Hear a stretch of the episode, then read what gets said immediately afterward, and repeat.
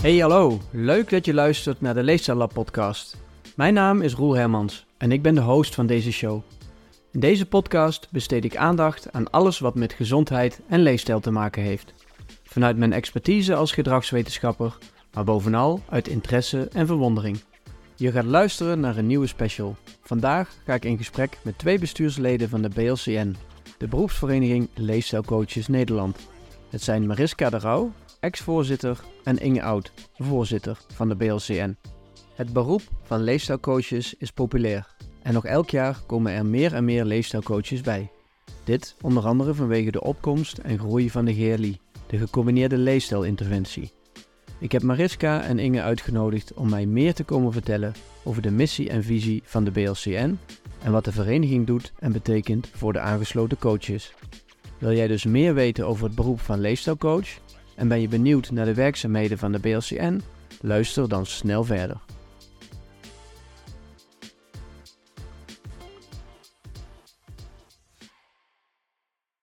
Ja, Inge, Mariska, leuk dat jullie er zijn. Welkom.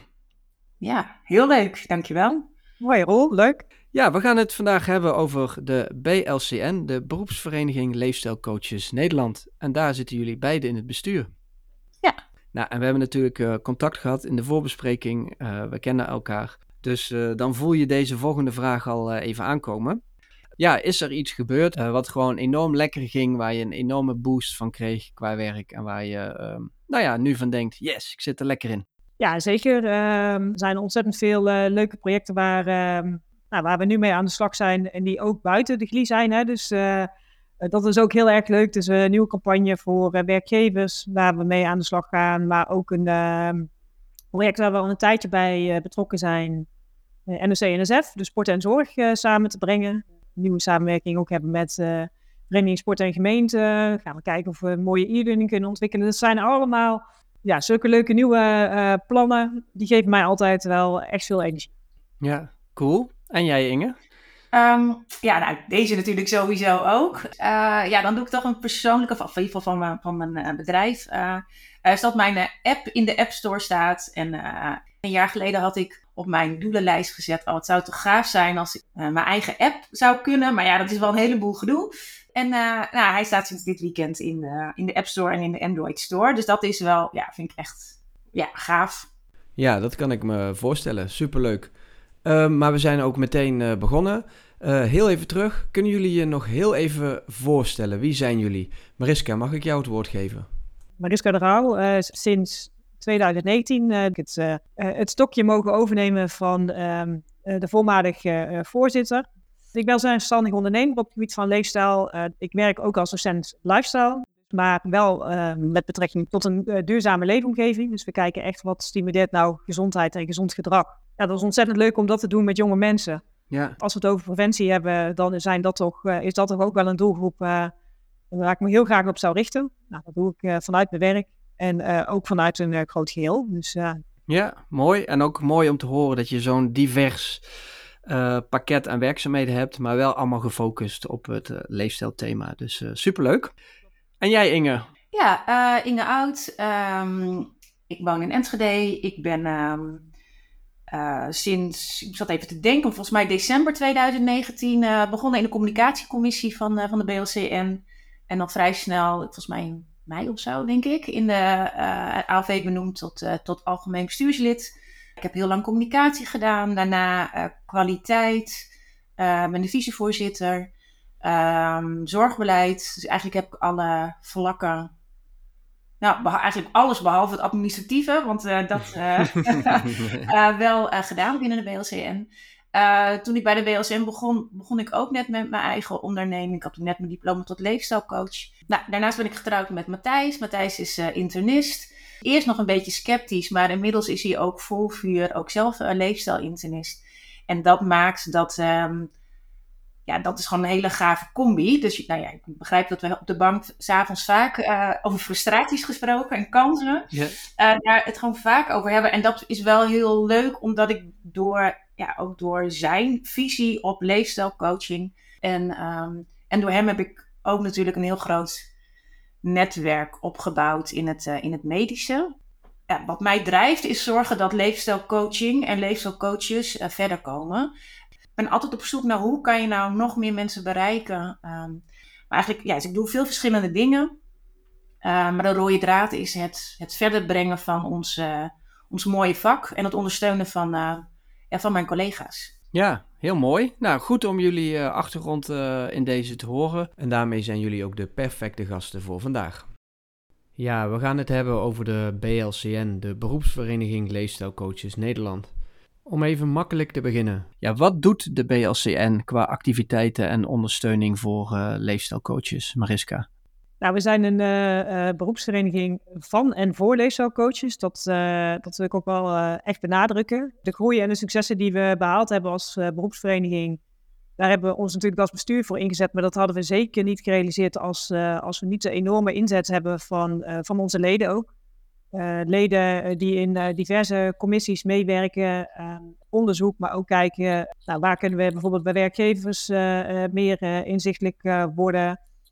koppelingen aan zorgbeleid meelezen in richtlijnen. Er zijn echt diverse werkzaamheden die nou, ook samen met onze leden gebeuren.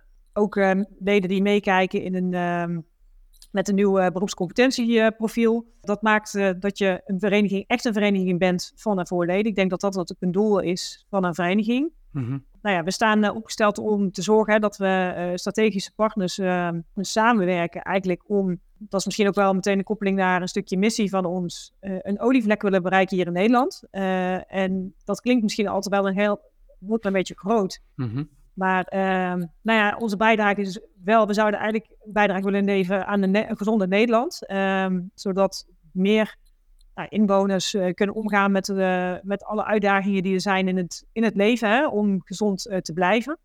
Om ze daarbij te supporten, om ze kennis, vaardigheden mee te geven vanuit de beroepsvereniging. En daarbij zeker niet vergeten onszelf ook te blijven ontwikkelen. Um, want ja, we weten hoe lastig het is om gedragsverandering, maar ook het vak ontwikkelt zich gewoon heel erg. We krijgen nieuwe inzichten die er ook voor zorgen dat we ons vak beter kunnen gaan doen. Nou ja, het zou heel fijn als, zijn als de politiek daar ook nog een handje bij gaat helpen. Waar ik me wel enigszins op dit moment zorgen over maak, maar daar komen we misschien straks nog even op terug. Um, ja, we hebben inmiddels bijna 1200 leden. Deze leden zijn allemaal kwaliteitsgeregistreerd. Dus dat betekent dat ze allemaal voldoen aan de eisen om, om lid te worden ook. Hè. Dus minimaal een, een WO of een HBO vooropleiding hebben en een geaccrediteerde opleiding tot leefstijlcoach hebben gedaan. Deze leden blijven zich ook elke jaar, elke vijf jaar herregistreren. Dat betekent dat ze de uren in de praktijk ook maken en dat bij- en nascholing plaatsvindt, maar ook intervisie met collega's. Dus dat ja, maakt ons de BLCN, laat ik het dan zo zeggen. Ja, mooi. Ja, nee, want, je vergeten, Inga. nou, je hebt al wel heel veel genoemd. Nee, ja, we zijn van en voor en, uh, uh, en worden op steeds meer plekken gevraagd. En dat is natuurlijk gewoon ontzettend uh, leuk. Ja, precies. Van en voor leefstijlcoaches. Nou, dan zullen heel veel mensen de term leefstijlcoach voorbij hebben horen komen de afgelopen jaren. Het is natuurlijk een, een beroep wat steeds meer in zwang is. Mede door natuurlijk de opkomst van de, van de GLI.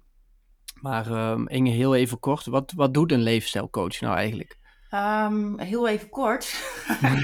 Daar kunnen we het heel lang over hebben, Roel. Ik denk dat de kern ligt bij dat wij uh, kijken naar, vanuit de persoon hè, die tegenover ons zit, uh, kijken hoe kan je nou de, de regie terugpakken op jouw leefstijl. Uh, en leefstijl is heel erg breed. Hè? Het is, het is, heel veel mensen denken natuurlijk, dat was ook heel lang het idee, oh gewoon ietsje minder eten, wat meer bewegen en dan val je wel af. Um, maar wij kijken ook naar stress, ontspanning, maar bijvoorbeeld ook naar een stuk zingeving. Dus wij, wij kijken vanuit de, de positieve gezondheid samen met iemand van hey, wat speelt er nou bij jou en waar wil jij, waar, wil, ja, waar zit bij jou nou de grootste winst? Want ja, dat kan bij de ene persoon uh, inderdaad voeding of beweging zijn, maar ik heb als iemand in de glie gehad die bij haar was de sleutel dat ze zich gewoon doodverveelde. Dat was een dame van uh, bijna 70 die uh, altijd uh, een hele goede baan had gehad. En nu ehm, thuis had de patiënten en drop zat te eten.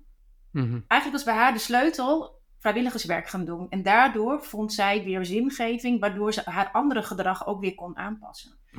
Ik denk wat een leefstijlcoach doet, is, is kijken wie zit er tegenover me en hoe kan ik die persoon helpen, ondersteunen in het, ja, in, in in die reis van de gezonde leefstijl is een, uh, is een, is een werkwoord. Het is nooit af.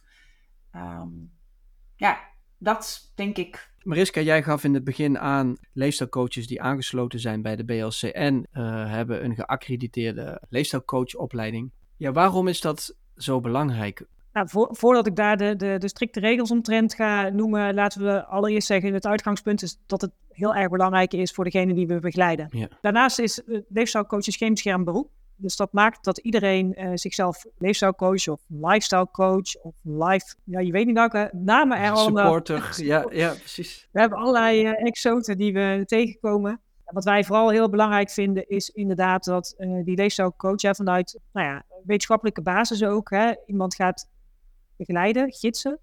dus dat je die kennis ook hebt uit het gesprek wat je voert. Als mensen vragen hebben, uh, dat je ook weet hè, wat is daarover in, onder andere in de wetenschap ook uh, weggeschreven. Dus dat je niet zomaar op basis van hypes en trends.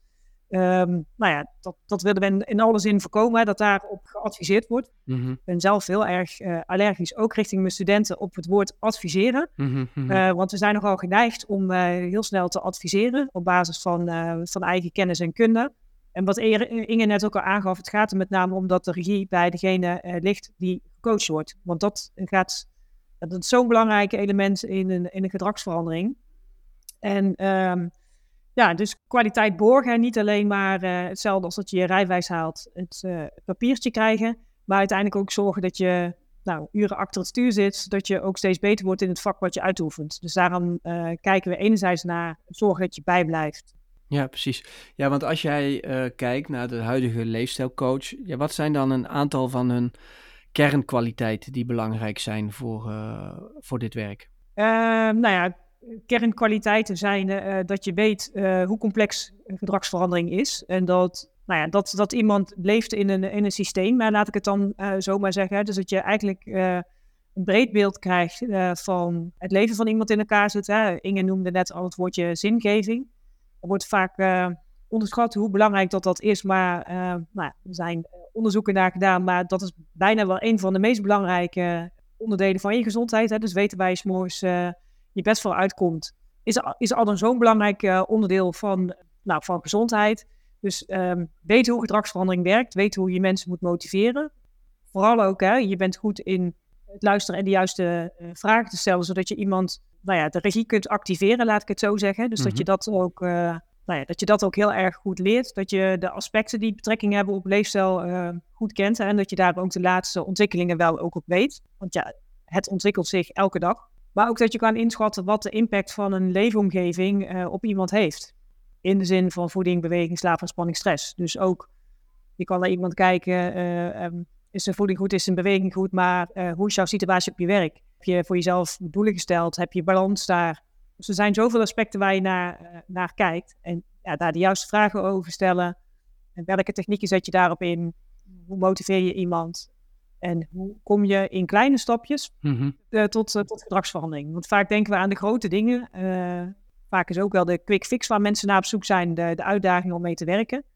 Dat bij mensen tussen de, de oren te krijgen, die bestaat niet. Ja. We hebben het over jouw leven en een duurzame verandering in jouw leven. En niet over een quick fix. Nee, nee, nee, mooi. Wil jij je als leefstijlcoach verdiepen in gedrag en gedragsverandering en meer leren over het begrijpen en veranderen van gedrag op basis van de laatste inzichten uit de gedragswetenschap? Dan ben je van harte welkom bij onze driedaagse nascholing Psychologie van Gezondheidsgedrag. Deze opleiding duurt drie dagen en is geaccrediteerd bij de BLCN. De eerstvolgende lichting vindt plaats op 27 en 28 maart en 15 mei 2024. Voor meer informatie kijk snel op www.gezondheidsgedrag.nl. Nee, want um, Inge, ik hoorde jou net ook hè, in het begin even een beetje iets uitleggen over uh, het werk van een leefstijlcoach. En ik hoorde heel duidelijk eigenlijk in, is dat een leefstijlcoach niet per se de specialist is op voeding of op beweging of op, op drinken, maar meer allround coach ja. helpt om de regie in het leven uh, terug te pakken. Ja, dat klopt, ja. Wat heb je nog meer nodig als kwaliteit als leefstijlcoach? Dat je ook gewoon weet waar jouw grenzen liggen. Kijk, heeft iemand een uh, sterk ontregelde diabetes, dan ga je uiteraard doorverwijzen naar een diëtist. Want uh, wij zijn niet de expert, dat is de diëtist. Uh, heeft iemand weet ik, een BMI van 45 en gaat die, wil die weer gaan bewegen, dan verwijs je dus door naar een fysio om een belastbaarheids- of een sportarts voor een belastbaarheidsonderzoek. Dus het ook echt goed kennen van, van je eigen grenzen. En ik denk dat dat, als ik zo hardop denkend, ik denk dat verbinder daarmee ook wel een belangrijke kernkwaliteit is van een leefstijlcoach. Dat je goed het, het, het, het netwerk om je heen hebt, dus goed het sociale domein kent en eigenlijk ook steeds meer het medische domein van hey, waar verwijs je nou naar door? En dat geldt of je nou de glie doet of niet bij een werkgever. Je zult, uh, iemand zit in een netwerk en, uh, en wij kunnen helpen. Wij zijn, denk ik, ook opgeleid om, om breed te kijken en ook door ja, andere mensen in te zetten als dat nodig is. Dus wij zijn ook goede verbinders. Ja, en die lijntjes inderdaad te zien, die netwerken te benutten die er zijn. En dus niet alles zelf op je te pakken als zijnde, ik moet alle, van alles iets weten en ik moet uh, mijn cliënt overal bij helpen. Je bent dus ook doorverwijzer, verbinder. Um, Zeker, ja. ja. Belangrijke kwaliteit. Ja, mooi. Ja, want Mariska, waar is een leefstijlcoach allemaal actief? Waar moet ik aan denken uh, als ik als luisteraar iets hoor over een leefstijlcoach? Waar kom ik die tegen? Ja, uh, vanuit de uh, in, in de zorg, hè, dus dat niet geheel. maar zorg ook, je ziet ook steeds meer leefstijlcoaches die betrokken zijn bij een leefstijlloket. Dus bijvoorbeeld richting ziekenhuizen.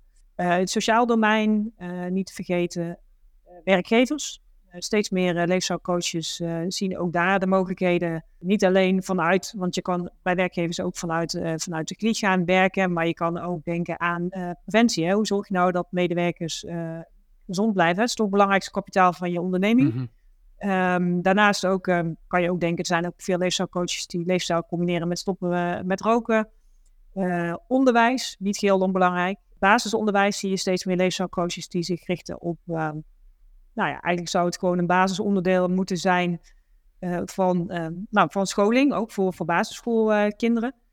Maar ook ehm, middelbare scholen en op nou, onderwijs wat daarna komt. Hè. Dus leefstijl is iets en gezondheid is iets wat, als je echt aan preventie wil werken, ik noemde het al eerder, begin alsjeblieft zo vroeg mogelijk. Ja, ja precies. en dat, ja, ik denk dat we dat ook steeds meer zien. En daar willen we ook zeker verder de focus nog op gaan leggen om dat nog uit te breiden. Ja, en natuurlijk niet te vergeten zijn dat er ook steeds meer mensen zijn die ook zelf uh, inzien dat het uh, gedrag veranderen heel erg ingewikkeld is. Dus er zijn natuurlijk ook heel veel uh, van onze leden die particulieren begeleiden. En dat betekent dus dat mensen het zelf betalen, omdat ze ook inzien van ik, er moet iets veranderen en ik kan dit niet alleen.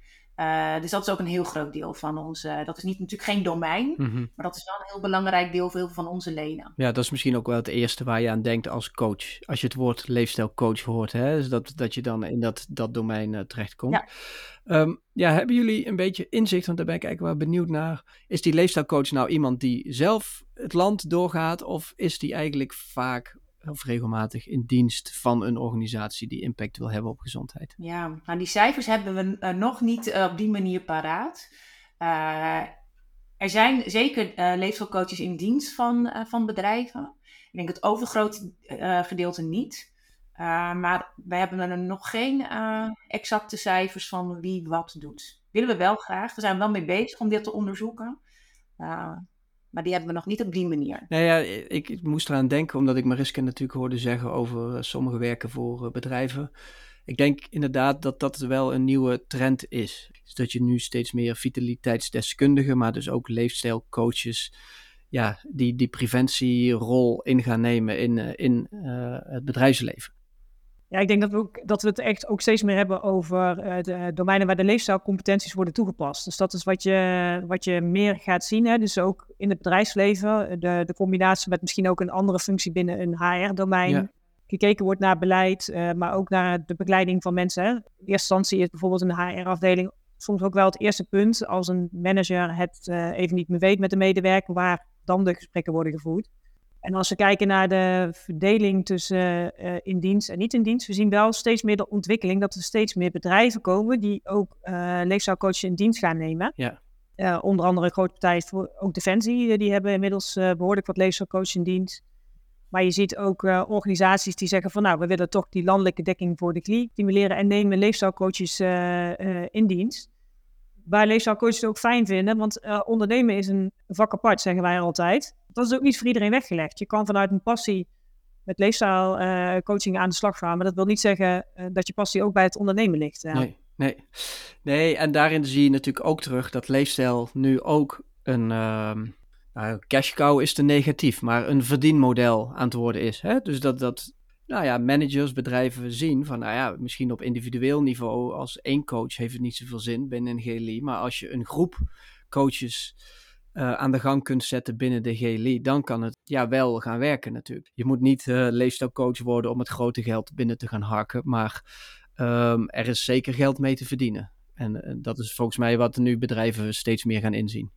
Ja, ik denk ook als één pitter dat je er zeker een goede boterham aan kan verdienen. Het is alleen de ondernemerschap is niet iets wat je, um, is iets wat je nog moet leren. Hè? Ondernemend zijn dus een, is kwaliteit. Ondernemer zijn kun je leren. Ja. Maar dat ben je niet vanzelf. En ik denk dat dat ook wel eens iets wat wij als BLCN ook voor het komende jaar, wat een van de ja, een van onze speerpunten is om onze leden nog meer te ondersteunen in dat ondernemerschap. Ja. Want dat is wel een, uh, nou, dat is best een ingewikkelde. Zeker omdat heel veel van onze leden komen uit. Ja, die hebben een hele andere achtergrond. Die zijn geen ondernemer. Nee, daar komt natuurlijk veel meer bij kijken dan de gesprekken voeren met degene die je wil afvallen of die meer uh, uh, wil bewegen. Ja, precies. Ja, dat klopt. En wat we dan zien is vaak dat mensen denken: Oh, ik, moet nog, ik heb geen klanten, dus ik moet nog een cursus erbij. Ja. Dat is het niet. Je hoeft niet nog een cursus erbij, want je weet al genoeg. Ja. Uh, het is dat ondernemerschap. En dat is Ah, je hebt natuurlijk ook uh, ondernemer uh, sinds uh, een jaar bijna. Ja, precies. Kijk, die inhoud kan je altijd op terugvallen. Ja. Um, en die heb je. Daar hoef je in die zin, ja, dat onderhoud je. En daar kun je je nog wel eens op verkijken. Dat je denkt, ja, maar ik heb alle skills en ik ben goed en ik heb, ben goed opgeleid. Ja. Ja, in deze moordende wereld qua concurrentie komen mensen niet vanzelfsprekend dan naar, naar je toe. Daar moet je zelf op uit. En uh, ja, ik dacht dan nog wel eens, ja, nou dan laat ik dat één keer weten. Zet ik een berichtje op LinkedIn, hè, bij wijze van, of zo nu en dan op Instagram, of noem maar op. Maar je moet eigenlijk mensen constant in het gezicht drukken dat je bezig bent met jouw onderwerp. En ja. dan komt misschien ooit een keer iemand die denkt, ja, nou heb ik het zo vaak gezien, nou kan ik er niet meer aan onderuit. Maar daar moet je dus ook niet te bescheiden in zijn dat heb ik dan nog wel eens dat ik denk, ja, ik heb het gisteren of eergisteren ook al gepost. Ja. Maar mensen hebben dit gewoon de hele dag nodig. Want ja. Kijk, en, en dat is iets wat je als individuele coach, zeker als je richting particulieren, hè, dan moet je echt gewoon heel duidelijk zijn voor wie ben jij dan. Als je voor iedereen bent, dan vindt niemand je.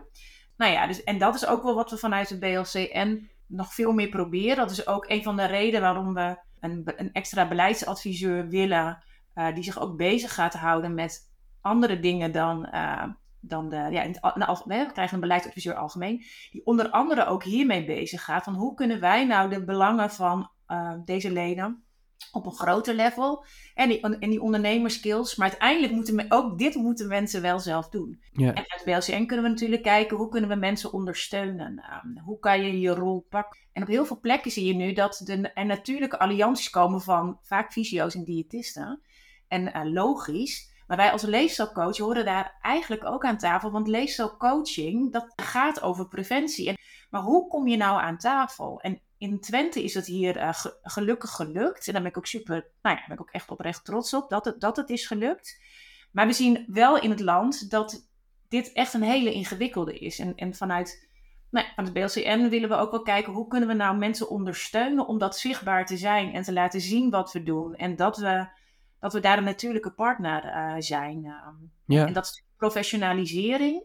Want eigenlijk heb je het daar dan over, hè? een stuk professionalisering van zowel onze coaches, vraagt ook een stuk professionalisering van ons als vereniging. Ja, we hebben natuurlijk uh, omschreven hoe hard dat we zijn gegroeid, maar ook hoe het domein leefstijl aan, aan zich, hoeveel bekend dat dat uh, inmiddels heeft gekregen. Dat vraagt inmiddels ook nou, behoorlijk wat, wat anders van ons als, als beroepsvereniging.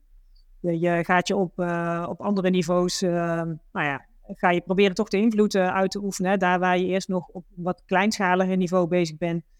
Ja, hoop je nu toch de, de serieuze, met, met de serieuze strategische partners ehm, die, grote, die grote missie te kunnen realiseren. En dat maakt wel, omdat we zo gegroeid zijn, je, daar heb je ook wel last van groeipijnen, zeggen we altijd. Ehm, en, en maar op een moment moet je nu wel gaan zeggen van oké, en nu naar next level. Om echt gewoon die impact te kunnen vergroten. Ja, ja mooi.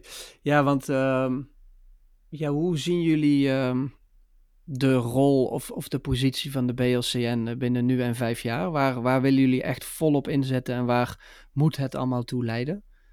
Ja. Ja, nou ja, binnen nu en vijf jaar, eh, wat we al eh, steeds meer zien, is dat uh, het maakt niet uit als je, als je vacatures ziet of um, als ze denken over uh, kwalitatieve begeleiding op het gebied van leefstijl, of dat dat nu individueel is, of in de zorg is, of in werkgeversland, die BLC en leefstijlcoach, die moeten we hebben. Mm We zijn als het ware, en daar, daar werken we hard aan, om echt een keurmerk te zijn. Ja. Voor ons is het kwaliteit. Ja. Kwaliteit dat we zeker weten dat degene uh, die de begeleiding krijgt, onafhankelijk van welke context dat, dat is, dat dat een um, begeleiding is op, ma op maat en uh, op kwalitatief hoog niveau. Ja dat is één ding wat ik zeker over vijf jaar wil, dat niemand meer twijfelt waar moet ik zijn als ik een um, gekwalificeerde, goede leefstijlcoach moet hebben. Dan ga ik niet gewoon uh, uh, googlen op leefstijlcoach en dan kijk ik gewoon op de BLSN, want daar staan alle mensen uh, met hun specialisaties vernoemd, met alle partijen waar we mee samenwerken. Dus ook, daarom doen we dat nu bijvoorbeeld ook met sport en zorg.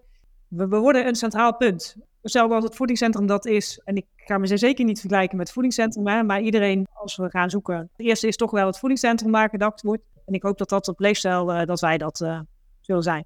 Mooi. Ja, en ik hoop echt dat we over vijf jaar een veel duidelijkere landschap hebben van... Oké, maar wat is er nu dan en voor wie? En want het, is nu nog best wel... Um, ja, hoe zeg ik dat netjes? af en toe best wel ingewikkeld om de juiste persoon op de juiste plek te krijgen. En uh, is het vaak van, oh, een huisarts verwijst naar iemand op de hoek. Van, oh ja, die ken ik, ga daar maar naartoe. Nou, echt, Mhm, wat mhm. ik verwacht over vijf jaar is als we, als de, de, de richtlijn, als dat, want dit is nu beleid, omdat dat ook daadwerkelijk uitgevoerd wordt met verschillende soorten vlies. Uh, maar ook dat het veel meer gekeken wordt, wat is de oorzaak van het overgewicht uh, of obesitas? Um, en wat is daar dan voor nodig? En dan is de GLI een, een optie. Dus ik hoop echt dat we over vijf jaar het veel helderder is wanneer je ook doorverwijst en, en, en, en dat er ook nog andere mogelijkheden zijn. Uh, bijvoorbeeld het zelf betalen, maar uh, of misschien is er is wel iets anders nodig dan een, uh, dan een GLI. Dus dat, dat het volwassener wordt. Ja. Dat het goed geïmplementeerd wordt. En dat verwacht ik wel over vijf jaar. Dat we door de, de netwerkaanpak, in ieder geval in het zorggedeelte, het wat, ehm, wat helderder hebben. ja, mooi. Mariska, heb jij nog een toevoeging? Wat ik heel graag zou willen is dat we echt stappen hebben kunnen zetten naar de uh, preventiekant. Ja. Dat is uh, echt wel het, de allergrootste wens uh, die er is. Ja, het is, het is zo cliché, maar beter voorkomen dan genezen. Laten we daar uh, met z'n allen zoveel mogelijk aan werken. En dat we ook een omgeving creëren hè, voor mensen. Dat het niet zo lastig is om een verandering te realiseren. Nee, precies. Precies. Ja, we hebben nu een aantal keren de naam GLI genoemd, gecombineerde leefstijlinterventie. De mensen die vaak naar deze podcast luisteren, die hebben dat vaker natuurlijk ook wel voorbij horen komen. Maar ik wil toch nog heel even met jullie dat thema uh, bespreken. Um, ja, want met de komst van de gecombineerde leefstijlinterventie heeft dat, dat beroep van leefstijlcoach natuurlijk een enorme boost gekregen. Ja, kunnen jullie heel kort vertellen van nou ja, wat zo'n gecombineerde leefstijlinterventie nou doet, hoeveel er zijn? Want ik merk ook in het, in het werkveld dat dat voor mensen ook niet duidelijk is, zelfs niet voor professionals. Maar ja, het allerbelangrijkste is, de GLI bestaat niet. Uh, het is in principe twee jaar. Uh, het is vaak een combinatie van groepsbijeenkomsten en individuele gesprekken. En er zijn verschillende soorten van zo'n GLI. Dus er zijn verschillende programma's. Dus de GLI bestaat niet. Er zijn op dit ogenblik zeven programma's die erkend zijn. Mm-hmm. En um, dat kan of gedaan worden door alleen een BLC en leefstijlcoach. Of het is een multidisciplinair team. En dan zit er vaak een fysio, een diëtist. Uh, of met zelf een aantekening tot leefstijlcoach. Of een BLC en leefstijlcoach bij. Nou, dit zijn de, de, de normale GLI's. Dus is eigenlijk de basisGLI. Dat is nu erkend. Vanaf 1 januari komt er ook een gespecialiseerde voor mensen met uh, diabetes uh, type 2 die ook medicatie gebruiken. Dus dan komt eigenlijk de eerste gespecialiseerde GLI. Ja, is dat keer diabetes om? Ja, er is een basisvariant, die is nu al vergoed. En er komt vanaf 1 januari die plus variant. Ja. En dat is alleen, dan ben je alleen, mag dat als jij daadwerkelijk al insuline spuit. Omdat je dan gelijk stopt met die insuline. En daar is uiteraard medische begeleiding eh, bij nodig. Ja, precies. Ja, en, en deze podcast is uh, slimmer al een keer uh, genoemd. cool wordt vaak genoemd. Ja. Um, welke erkende zijn er nog meer? cool, slimmer, beweegkuur, samen sportief in beweging, X-Fit um, en keer diabetes om. Ja, en um, bedoel, ik ga er niet vanuit dat jullie alle uh, interventies van de haven tot gort kennen, maar in het algemeen, wat is een beetje het verschil tussen de programma's? Nou, dat vinden we zelf ook een hele ingewikkeld. Het is best wel um, dat is niet heel erg duidelijk. Uh, het verschil is bijvoorbeeld cool, is, die wordt bijvoorbeeld één leefstijlcoach gegeven, die andere door een team. Hm. Bij sommigen wordt er ook door een fysio wat bewegen. Je mag niet sporten binnen een glie, maar er wordt wel bewogen. Binnen cool is dat bijvoorbeeld niet. Want je zegt je mag niet sporten. In die zin is dat het niet een, hoe heet het, een... Ja, er zit geen aanbod aan sport bij. Dus er zit geen sportschoolabonnement bij je gecombineerde leefstijlinterventie. Dat mag niet, omdat de glie vanuit de basiszorg wordt uh, betaald. En er wordt gezegd, sporten is, dat moet je zelf betalen. Dat mag eigenlijk alleen als het op medische indicatie is, mag het. Maar anders mag, je, mag dat niet uit de basiszorg. Dat, dat, ja. dat, is, dat is natuurlijk wel het doel van de glie, dat je gaat sporten. Hè. Uiteraard is het doel van de glie dat je gaat sporten. Alleen het zit niet in het programma nee. zelf. Dit ogenblik in elk geval. Nee, dus qua, er zijn misschien meer overeenkomsten dan verschillen. Is dat de conclusie? Of? Ja, ik denk dat dat ook iets is wat we, wat ik, nou, waar ik over, hè, wat ik zei van wat hoop ik dat we over vijf jaar bereikt hebben, dat het wel duidelijker is wie waar naartoe gaat. Want ik denk dat het belangrijk is dat, er, eh, dat je weet wat het beste bij jou past. Want one size doesn't fit all. Dus het zou mooi zijn als het wat dus die verschil, als, als ik nu, ik zou eigenlijk het liefst heel duidelijk tegen jou kunnen zeggen: Oh ja, dit is dit, dit is dit, dit is dit. Mhm, mhm. Dan is dat ook voor verwijzers duidelijk en ook wat dan bij welk programma bij een persoon past. Ja. Maar dat is nu nog niet altijd even helder. Nee, nee. Het zou eigenlijk ook, hè, dat, dat is met alles wat je, wat je ontwikkelt en maakt. Het moet eigenlijk vanuit, nou ja, ik uh, gebruik als niet juist het woord, maar vanuit de ja. doelgroepen beredeneerd worden. En dat werkt helaas nog niet zo. Er zitten wel wat nuances in de verschillende. Uh, uh, nou ja, het, het, is niet het sporten erin, maar de begeleiding op bewegen. Er zit wat accenten op de uh, wat lage sociaal-economische statie, zitten er accenten erin. Maar eigenlijk zou je een soort van, nou, als, je het echt, echt, als je echt iemand wil ondersteunen vanuit uh, een vragenlijst moeten kijken, wat zou nou de beste, um, wat zou nou het beste programma zijn voor jou? Ik denk dat dat um, ja. succes mogelijk vergroot. Dus dat, ja, zo werkt het systeem helaas nog niet. Nee, precies. Nee, want dan komen we misschien op een gevoelig puntje, of, of in ieder geval een, een discussiepunt. Hè? Dus wat doet zo'n programma nu na twee jaar op uh, het gedrag van uh, de deelnemer? En misschien kijkt men nog minder naar het gedrag, maar meer naar, oké, maar hoe zit het dan met het gewicht? Hoe zit het dan met de bloedwaardes, et cetera, et cetera. En als we dan een beetje die kritiek samenvatten, dan zie je eigenlijk dat er, nou ja, wel eens geopperd wordt van, nou ja, uh, het wordt vergoed. Het is een tweejarig programma. En als we dan naar de gemiddeldes kijken, dan vallen mensen gemiddeld 3 tot 4 kilo af.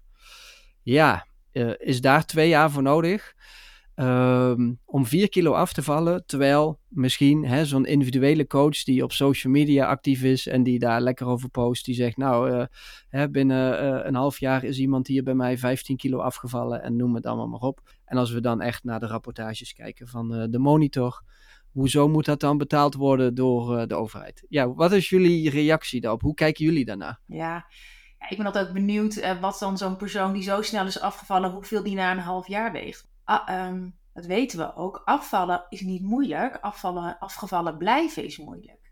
En um, ja, zeker als je obesitas hebt, het is een chronische progressieve ziekte. Het gaat niet vanzelf over en het wordt steeds erger, je wordt steeds zwaarder. Op het obesitascongres plaatjes gezien van als je niks doet, komt iemand elk jaar 1, 2 kilo aan. Dus het feit dat iemand afvalt en ook blijvend afvalt, want dat is natuurlijk het belangrijkste. Dat iemand blijvend dat gewicht verliest, geeft al ontzettende gezondheidswinst. Hè? Dat die lijn wordt afgevlakt en, eh, en ook al komt hij daarna weer aan, het blijft en dat die, dat die lijn lager blijft, dat is sowieso al. Um, uh, nou, plus de gemiddelde leeftijd is uh, ouder dan 50 vaak van, van de GLI-groep. Dat betekent dat je al 50 jaar uh, bepaald gedrag hebt gedaan. Nou, mm jij, Roel, jij bent gedragswetenschapper. Jij weet als geen ander hoe lang duurt het om een gewoonte te veranderen. Wat zou jij zeggen als, uh, als gedragswetenschapper? Ja, als gedragswetenschapper zeg je dat genuanceerd en dan zeg je dat er eigenlijk geen antwoord op is. Uh, maar daar zitten mensen natuurlijk niet op te wachten. Maar dat geeft natuurlijk wel aan dat afhankelijk van welk type gedrag voorkomt, ja, hoe lastig of hoe makkelijk het is om daar veranderingen en, aan te brengen. En, het, snel afvallen, ja, dat is ook niet, daarvoor moet je ook niet naar een glieg gaan. Dat, weet je, dat kan met, Hmm. daar zijn er genoeg shakes voor. En, uh, maar dat, ja, ja, maar ja. dat is niet wa waar het om gaat. En daarom zijn we ook heel blij dat in de richtlijn ook nu kwaliteit van leven echt is dus meegenomen omdat dat, want je ziet uh, hè, ook in de laatste RIVM-rapportage, zie je dat vooral die kwaliteit van leven, dat die ontzettend toeneemt. En dat laat geen enkele medische interventie zien. Mm -hmm. Hoe mensen zelf ervaren hoe hun gezondheid is, hoe hun belastbaarheid is. En dat vertaalt zich in die kwaliteit van leven. Um, Tuurlijk zou het heel mooi zijn als mensen 10, 20 kilo. En sommige mensen lukt dat ook, hè? Mm -hmm, mm -hmm. Er zijn ook mensen die wel heel veel afvallen, maar er zijn ook mensen ja. die het niet lukt. En um, uh, maar toch, als we het heel even zwart-wit bekijken. Ja, ik heb obesitas. Ik ga meedoen aan de GLI. Daar investeer ik daar uh, twee jaar tijd in. De coach investeert daar twee jaar tijd in, in een groep. Ja, en dan nogmaals, gemiddelde. Precies wat jij zegt, sommige mensen vallen ook echt 40 kilo af. Dus die standaarddeviatie die zal uh, best wel hoog zijn. Maar toch denk ik dan, ja, ik kan me van die kritiek wel iets voorstellen. Van ja, als je dan 3, 4 kilo bent afgevallen na die twee jaar.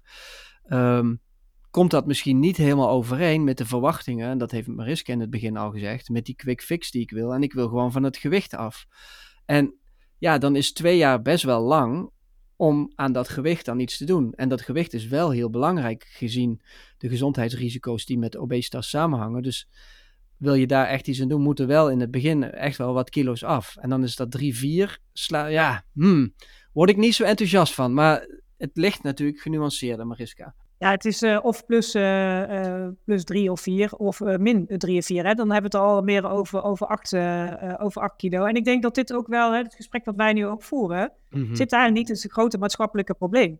Mm -hmm. uiteindelijk, het resultaat wat ontstaan is, is ook niet iets wat in twee jaar is, is gebeurd. Hè? Dat is iets wat misschien wel levenslang zich opgebouwd heeft. Ja, dat dus gewicht bedoel je? Ja. Dat gewicht, ja. ja en ja. alles wat er onder dat gewicht zit. Hè? Het gewicht is een eindresultaat. Het vooral dingen die je in je leven nog niet verwerkt hebt. Of mm -hmm. je, je hebt je plek nog niet gevonden. Of je, je, hebt, um, nou, je gaat vanuit de emotie eten, maar je weet niet waar het vandaan komt. Uh, je, bent, je gaat op een verkeerde manier om met stress. Um, het, zijn, het zijn puzzelstukjes. Dus dit is denk ik ook het echte maatschappelijke probleem. En waarom dat er ook in, omge in de omgeving van mensen nog veel te weinig wordt aangepast. Dat we niet bezig zijn met waar liggen nu uh, de echte vraagstukken. We, uh, in alles, we willen snel verbetering. Mm -hmm. Leren we onze kinderen ook, hè? je moet overal het beste. En uh, we kijken allemaal naar topprestatie. Maar laten we vooral ook kijken van wat is een resultaat. Laten we de definitie van wat is een resultaat is met elkaar bespreken. en inderdaad, van plus 3 naar uh, min 4 is wel een mooi resultaat. En kwaliteit van leven. Ik denk op het moment dat je dat kunt verbeteren, dat die stap naar dat dat de basis is van de stap kunnen zetten naar überhaupt gewicht verliezen. Ja, precies. Als het ook niet is, dan kan je het. Ik, ik, ik heb het zo vaak gezegd: iemand helpen om gewicht te verliezen.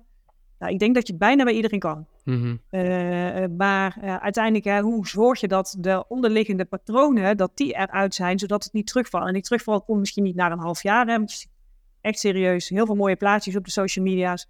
Die komt misschien niet na een half jaar, of misschien ook niet na een jaar.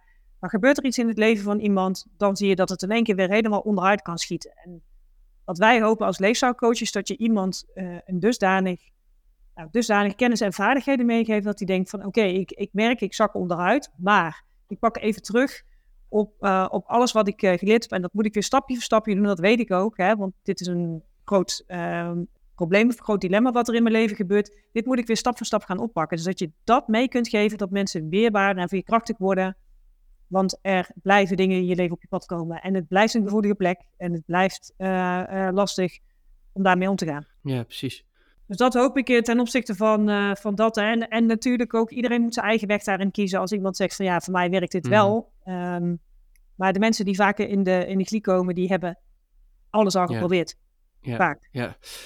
Dus besef, besef dat ook, hè. Die, hebben, die zijn al bij alle social platforms, shakejes, repen. die kennen vaak alle varianten van, van diëten.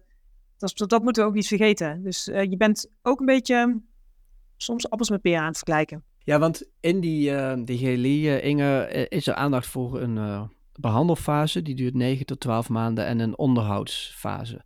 Ehm, wat is het verschil tussen die twee fases? Ja, in principe is het eerste vaak wat intensiever.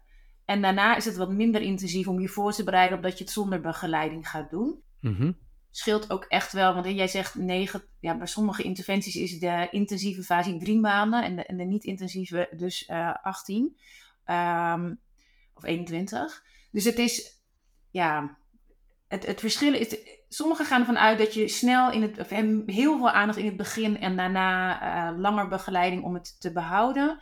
En sommigen zijn wat meer uitgesmeerd over twee jaar. Ehm, ik denk dat, dat het uniek is dat we inderdaad twee jaar krijgen, omdat je in dat tweede jaar, of in ieder geval in die tweede fase, juist gaat, dan zit er meer tijd tussen bijeenkomsten en daartussen gebeurt het leven. En precies wat Mariska zegt, dan krijg je die tegenslag of er gebeurt iets op je werk of iemand waarvan je houdt komt in het ziekenhuis. En hoe ga je dan voor jezelf zorgen? Of het wordt weer december, gewoon heel simpel, wat elk jaar wordt. Hoe zorg je dan in december voor jezelf? Hmm, En mhm. omdat je dan langer nog begeleid wordt, kun je opnieuw in gesprek gaan met je coach en met de rest van je groep. Oké, maar hoe doe jij dat dan? En, oh ja, vorig jaar deed ik dit en nu doe ik dat. Ja, daarom is het fijn dat het eh, wat langer duurt. Persoonlijk heel jammer vind, is dat wij na twee jaar stoppen met meten. We houden maar twee jaar de resultaten bij en daarna komt er eigenlijk geen vervolg. En dat vind ik persoonlijk heel erg jammer. ja, precies.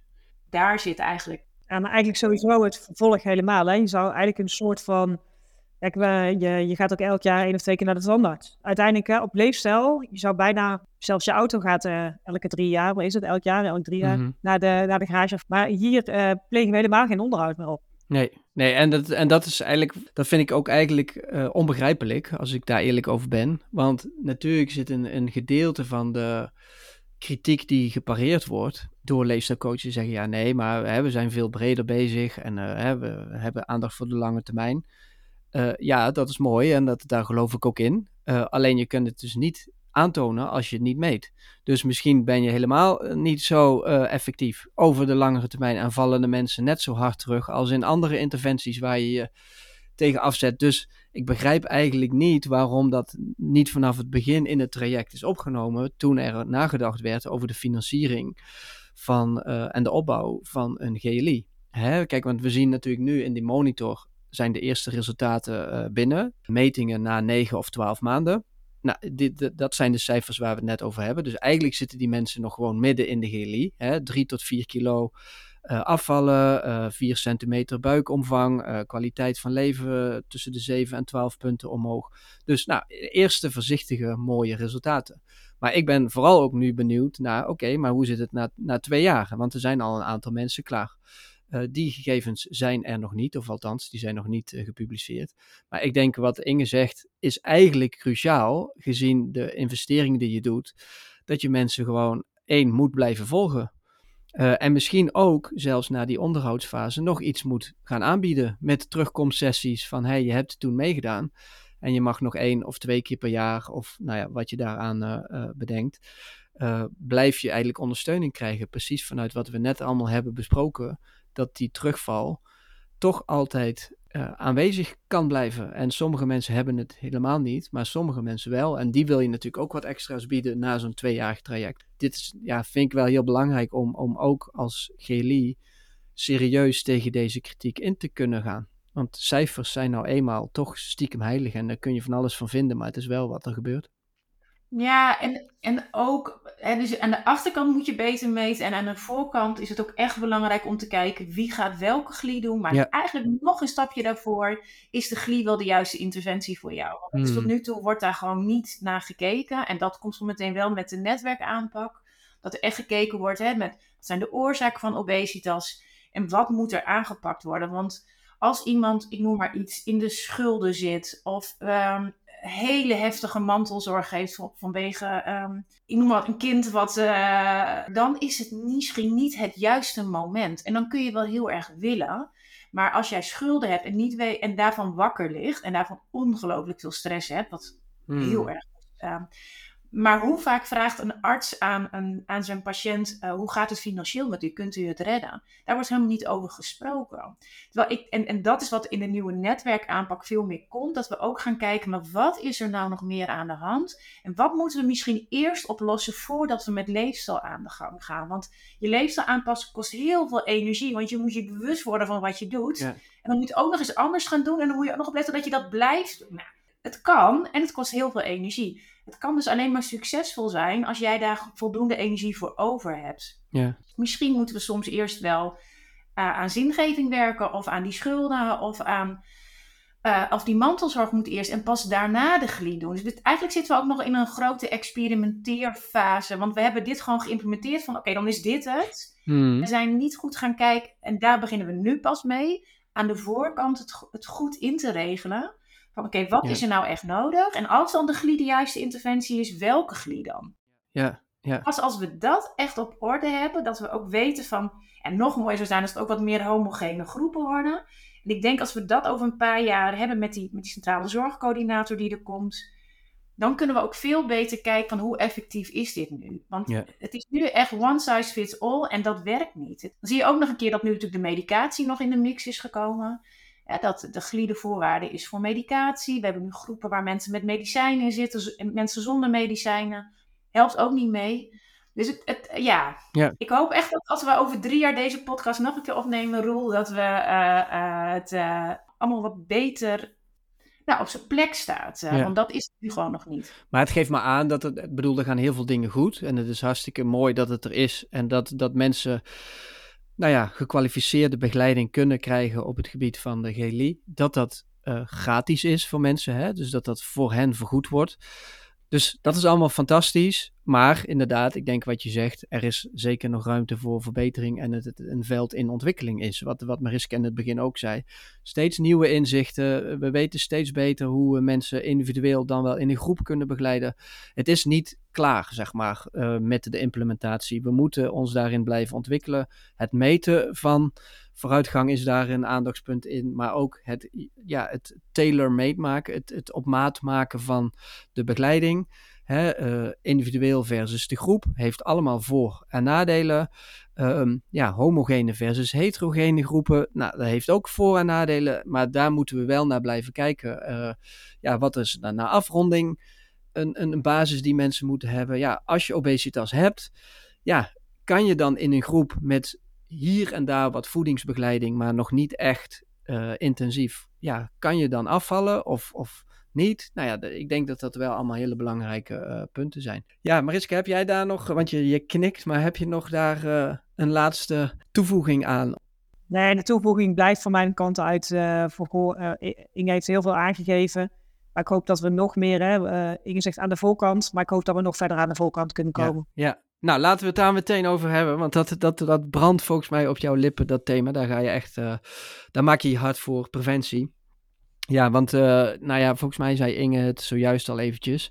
Eh, het is duidelijk geworden dat die zorgverzekeraars eh, gaan korten op het tarief in eh, 2024. Soms wel met 20%.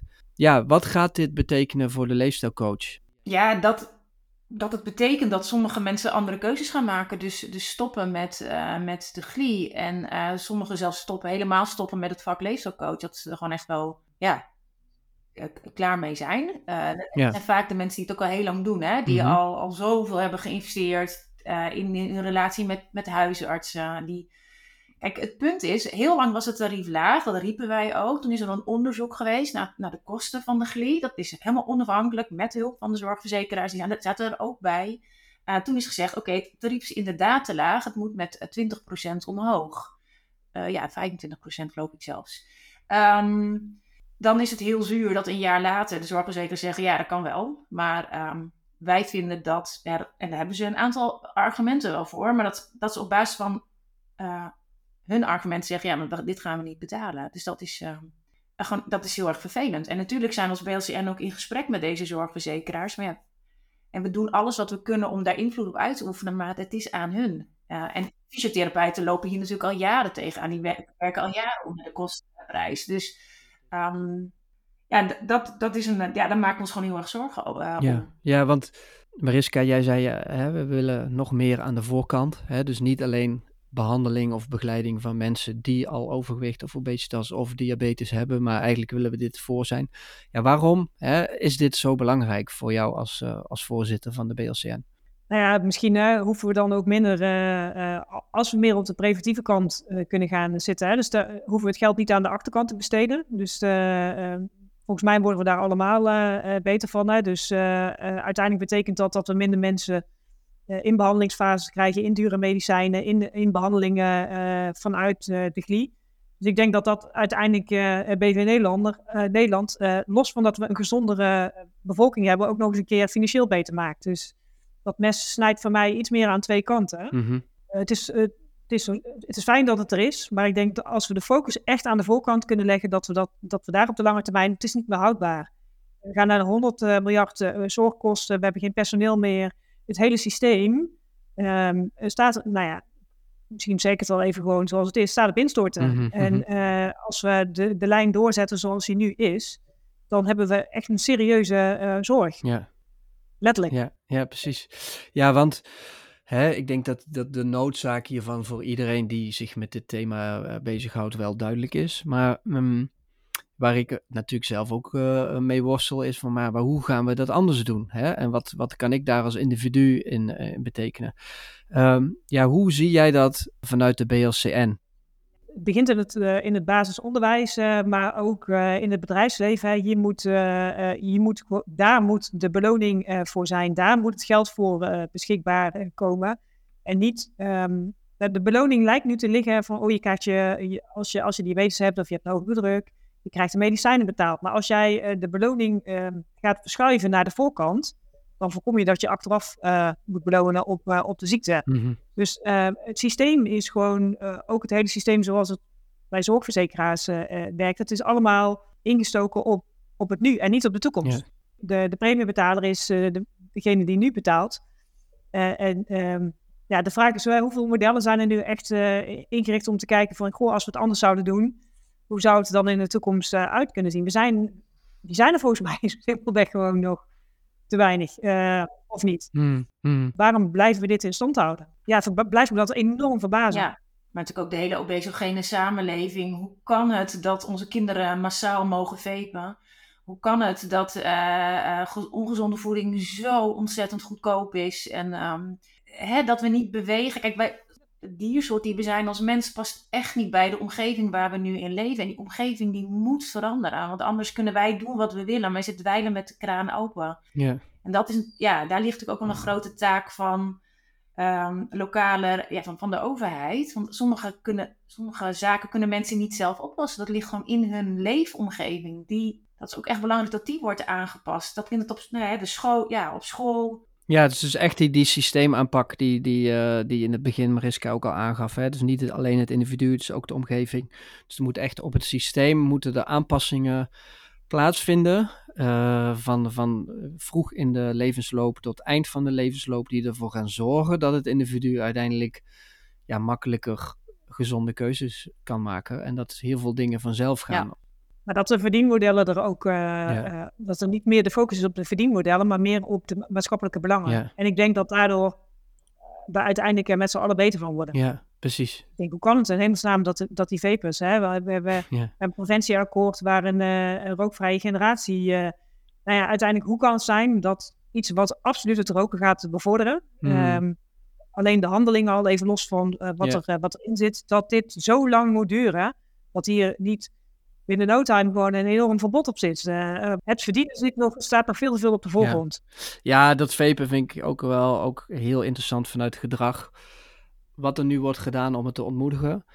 Ja, het is eigenlijk best wel treurig, want dan gaan we dus gewoon nu hetzelfde doen als we 60, 70 jaar geleden deden met roken. Namelijk vertellen tegen mensen dat vapen slecht is. De volgende stap is dat er misschien iets op de vape komt te staan dat het slecht is. Ja, waar hebben we het over? Ik bedoel, dan, dan negeer je dus de hele gedragswetenschap, de gezondheidsbevordering. Gaan we nu stiekem gewoon weer opnieuw doen op een ander onderwerp? Dan hebben we dus echt niks geleerd van de afgelopen 70 jaar. En dat hoop ik toch echt dat daar een komaf aan gemaakt wordt. Want als dan nu communicatiebureaus geld gaan verdienen om campagnes te ontwikkelen rondom vapen, ja, dan ben je gewoon geld met de kruiwagen naar de verkeerde partijen aanbrengen. Want het moet gewoon ontmoedigd worden, punt. En dan is wet en regelgeving is gewoon heel belangrijk. Naast hè, waar gedragsverandering over gaat, waarom vinden jongeren vapen zo interessant? Waarom doen ze het? Hoe kunnen we die inzichten gebruiken om het te ontmoedigen? Naast wet en regelgeving. Maar je moet niet nu allerlei interviews met jongeren over vapen gaan houden en niet denken over wet en regelgeving, niet denken over ID-check, uh, eh, niet los verkopen bij elke Primera. Uh, ja, weet je, maar goed, dat is... Ja. Dit is een onderwerp, hè, daar moet ik misschien maar uh, weer een andere podcast over opnemen. Maar het is soms moet je oppassen. En ik bedoel, ik wil de, de podcast positief afsluiten. Maar soms moet je natuurlijk oppassen als, als je lang in dit veld actief bent en lang over dit onderwerp praat. Dat je frustraties uh, met elkaar gaat wisselen over wat je ziet in de maatschappij. Op het gebied van gezondheid. Uh, dus ik ben het helemaal met je eens dat we daar meer aan kunnen doen. Dat het vraagt om een systeemaanpak dat we uh, nu soms tegengewerkt worden door het systeem. Maar ik blijf strijden voor samenwerking om toch uiteindelijk die, die impact te kunnen gaan maken die wij allemaal voor ons zien. Dus vanuit daar uh, in ieder geval ook super fijn dat jullie bij mij te gast wilden zijn om daar over te hebben. Um, ja, langzaam richting de afsluiting. we kunnen volgens mij nog een hele tijd doorgaan, maar we gaan toch langzaam een eind aan maken. Um, ja, hoe zie jij je eigen rol binnen de, de BLCN? Eh, en wat zou jij de luisteraar, die misschien leefstijlcoach is, nog uh, willen vertellen over de BLCN? Wat, ehm, ja, wat, wat jullie organisatie hen kan opleveren? Nou, er zijn meerdere vragen in één. Dus ja, dat is heel slecht, hè? Ja, dat is heel, een eigenlijk heel slechte vraag. Ik ga hem opknippen. De eerste vraag is: hoe zie jij jouw eigen rol binnen BLCN voor de komende tijd nog? Nou, ik hoop dat ik nog uh, de stappen mee kan zetten om, die, om dat next level uh, uh, te gaan bereiken. Hè. Dus dat, we denken dat dat echt nu noodzakelijk is om die olievlek te gaan vergroten. Om mooie strategische partners aan ons te binden. Waarin ik dan geloof, hè, grote veranderingen in kleine stapjes. Dat, uh, hetzelfde als dat wat leefstijlverandering is, werkt dat ook zo als je een systeem wil veranderen. En um, nou, uiteindelijk, de leefstijlcoach zei, ik hoop dat zij um, zien hè, de meerwaarde die we willen neerzetten, maar vooral ook, geef ook aan waar we meerwaarde kunnen leveren. Daarom zijn we een vereniging van en voor. Mm -hmm. dat, is, dat is een van de onderwerpen die we vandaag ook in de ALV hebben. Joh, wat denken jullie? Dus wij kunnen alle wijsheid in pact hebben. Maar het, hetgeen wat ik de afgelopen jaar het meest heb geleerd, vraag het de ander. Denk niet vanuit jezelf. Mm-hmm. Nou ja, het laatste waar ik mee wil afsluiten, uh, verander de wereld, begin bij jezelf. En uh, ik denk als we allemaal één klein stapje zetten, dat we nou, al zoveel meer kunnen, kunnen bereiken. Ja, mooi. Nou, toch antwoord op beide vragen. Geweldig. Ja, zie je, je hebt toch goed onthouden. Als schakelen. Ja, precies. Ja. Inge, hoe is dat voor jou? Uh, ja, nou ja, ik, ik, hoop dus inderdaad vanmiddag in de ALV eh, tot een nieuwe voorzitter uh, te worden benoemd.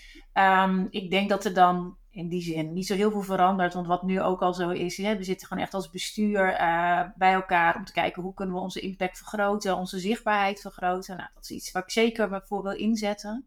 En nog meer het het met elkaar verbinden, zodat er meer waarde komt voor onze, voor onze leden. Uh, ook echt juist buiten die, eh, die glie, want daar willen we gewoon echt niet al te afhankelijk van zijn. En ik denk dat daar buiten gewoon nog ongelooflijk veel kansen op ons liggen te wachten. En ik hoop dat we daar uh, um, komende jaren een hele belangrijke stap uh, in, in, kunnen zetten in, dat, in het creëren van die, van die meerwaarde. en daar hebben we echt de input van onze leden ook absoluut voor nodig, want ja, wij kunnen het niet met, met z'n drieën. Mm Dus de beleidsadviseurs, dat moeten we met z'n allen doen. Dus ja, ik denk dat ik dat, uh, dat is wel wat ik het de komende jaren, die, die verbinding tussen het medische domein, het sociale domein, maar ook alle andere partners, dat het heel hard nodig is om Nederland uh, om gezonder te krijgen. Ja. de oproep, hè, als onze leden luisteren, ja, geef vooral aan en denk vooral ook mee wat jij zelf kan doen. Mhm. Want uiteindelijk um, um, moeten we het echt met z'n allen doen. We zijn nog steeds pioniers, ook al bestaan we dan onze BLCN inmiddels beste tijd. Ik voel nog steeds wel dat we als beroepsgroep er is nog ongelooflijk veel uh, te, te winnen. Uh, dus uh, kijk vooral wat kan je zelf doen en, en heb je hulp nodig? Ja, vraag ons vooral. je kan altijd meedenken als, als BLCN. Dat is wel wat we willen zijn voor onze leden. Ja, nou mooi. Ja, enorm bedankt voor jullie mooie woorden. goed om wat meer te horen over wat de BLCN is, wat de leefstijlcoach doet, wat die GLI nou is. Er is dus geen één GLI, het zijn dus meerdere programma's. Ook goed voor mensen om dat te onthouden. Um, ja, enorm bedankt. Dank voor jullie tijd. Ja, jij bedankt. En uh, nou, wij houden contact en uh, tot een volgende keer. Dankjewel. Dankjewel.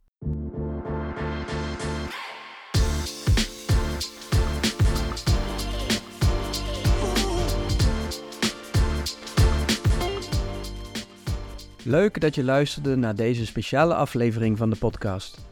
Ik ging in gesprek met Inge Oud en Mariska de Rauw, bestuursleden van de BLCN, de beroepsvereniging Leefstijlcoaches Nederland. Wil je meer weten over de BLCN? Ga dan snel naar hun website. De link vind je in de show notes. Wil je reageren op deze aflevering? Laat dan vooral een bericht achter. Waardeer je de afleveringen die ik maak? Door vriend van de show te worden help je me enorm om deze podcast te kunnen blijven maken. Door deze aflevering te delen op je socials en de podcast te volgen, help je me om mijn bereik te vergroten. Ook dat is hartstikke handig. Over twee weken staat er weer een nieuwe aflevering voor je klaar. Dan kun je luisteren naar mijn gesprek met Dave Ensberg, directeur-bestuurder van Jantje Beton. Met hem ga ik in gesprek over het belang van buitenspelen en de activiteiten die Jantje Beton onderneemt om kinderen in het gehele koninkrijk een mooie buitenspeeltoekomst te geven. Leuk dat je luistert. Tot snel.